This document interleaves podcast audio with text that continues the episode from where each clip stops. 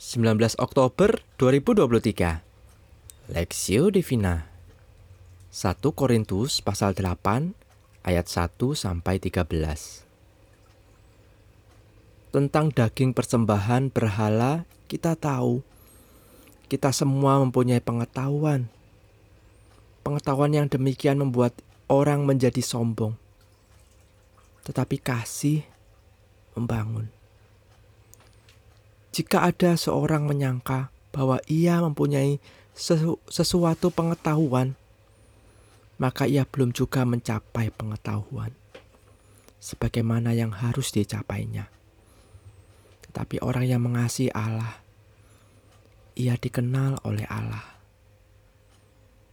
Tetapi hal makan daging, persembahan, berhala, kita tahu tidak ada berhala di dunia dan tidak ada Allah lain daripada Allah yang esa.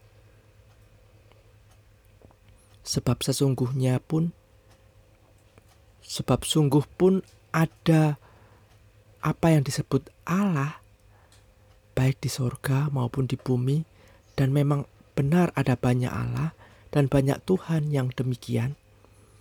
Namun bagi kita hanya ada satu Allah saja yaitu Bapa, yang daripadanya berasal segala sesuatu dan yang untuk dia kita hidup. Dan satu Tuhan saja, yaitu Yesus Kristus, yang olehnya segala sesuatu telah dijadikan dan yang karena dia kita hidup. Tetapi bukan semua orang yang mempunyai pengetahuan itu.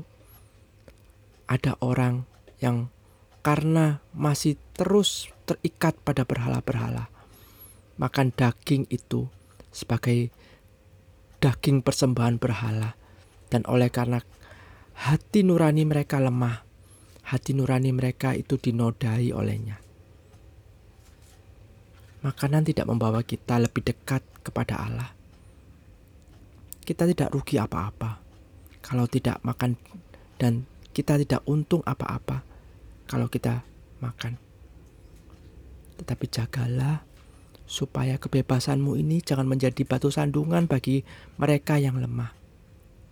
Karena apabila orang melihat engkau mempunyai pengetahuan, sedang duduk makan di dalam kuil berhala, bukankah orang yang lemah hati nuraninya itu dikuatkan untuk makan daging persembahan berhala? Dengan jalan demikian, orang yang lemah yaitu saudaramu yang untuknya Kristus telah mati menjadi binasa karena pengetahuanmu. Jika engkau secara demikian berdosa terhadap saudara-saudaramu dan melukai hati nurani mereka yang lemah, engkau pada hakikatnya berdosa terhadap Kristus. Karena itu, apabila makanan menjadi batu sandungan bagi saudaramu, Aku untuk selama-lamanya tidak akan mau makan daging lagi. Supaya aku jangan menjadi batu sandungan bagi saudaraku. Makanan persembahan berhala perspektif. Karena itu apabila makanan menjadi batu sandungan bagi saudaraku, aku untuk selama-lamanya tidak akan mau makan daging lagi. Supaya aku jangan menjadi batu sandungan bagi saudaraku.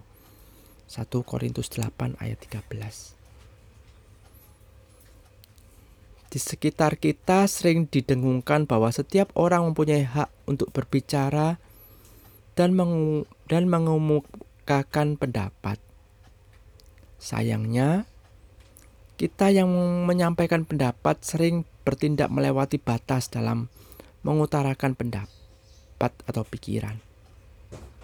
Karena faktanya ada orang yang karena merasa bahwa dirinya memiliki pengetahuan lebih ketika mempunyai menyampaikan pendapat tidak memperhatikan kepentingan mereka yang berseberangan dengan dirinya. Kehidupan jemaat Korintus memiliki situasi yang hampir sama. Pada masa itu, kota Korintus merupakan kota yang terbilang sangat maju, termasuk juga pengetahuan yang dimiliki oleh beberapa anggota jemaat. Di sini Paulus mengingatkan bahwa kebebasan berpendapat yang tidak lagi memperhatikan kegelisahan hati nurani orang lain tergolong perbuatan dosa terhadap Kristus. Ayat 12. Teguran ini muncul mengingat jemaat Korintus waktu itu tidak memiliki pengetahuan yang sama tentang makanan yang dipersembahkan kepada berhala. Paulus menjelaskan bahwa Kristus juga telah mati bagi mereka yang masih lemah imannya itu. Jadi, ketika ada sesama yang memiliki kebimbangan hati nurani dan lemah imannya karena masalah makanan yang dipersembahkan kepada berhala, Paulus dengan tegas menghindari untuk makan makanan yang dipersembahkan kepada berhala. Sembari menanti pertumbuhan iman mereka, Paulus akan mendorong jemaat agar tetap percaya kepada Allah yang benar di dalam Kristus Yesus dan perlahan menyingkirkan keyakinan bahwa berhala itu berkuasa atas segala sesuatu termasuk dalam hal makanan yang telah dipersembahkan. Dengan kata lain, Paulus menahan diri sembari menolong mereka bertumbuh dengan demikian, seharusnya sebagai sesama anggota tubuh Kristus selalu mengembangkan dan ingat bahwa mempertahankan keyakinan yang benar tanpa memperdulikan hati nurani orang lain yang lemah bukan sikap umat Allah yang terpuji. Justru dengan sikap ini, kita malah berpotensi menjadi batu sandungan bagi mereka. Studi pribadi, mengapa ada ketidakcocokan dalam jemaat Korintus? Mengapa Rasul Paulus mengambil sikap tegas untuk tidak mau menjadi batu sandungan bagi sesamanya? Pokok doa, berdoa bagi umat Allah dapat menjadi jujur, semakin mengoreksi diri sendiri dan bertekad untuk bertumbuh dalam kebenaran. Berdoa agar umat Tuhan bertekad untuk tidak menjadi batu sandungan bagi sesamanya.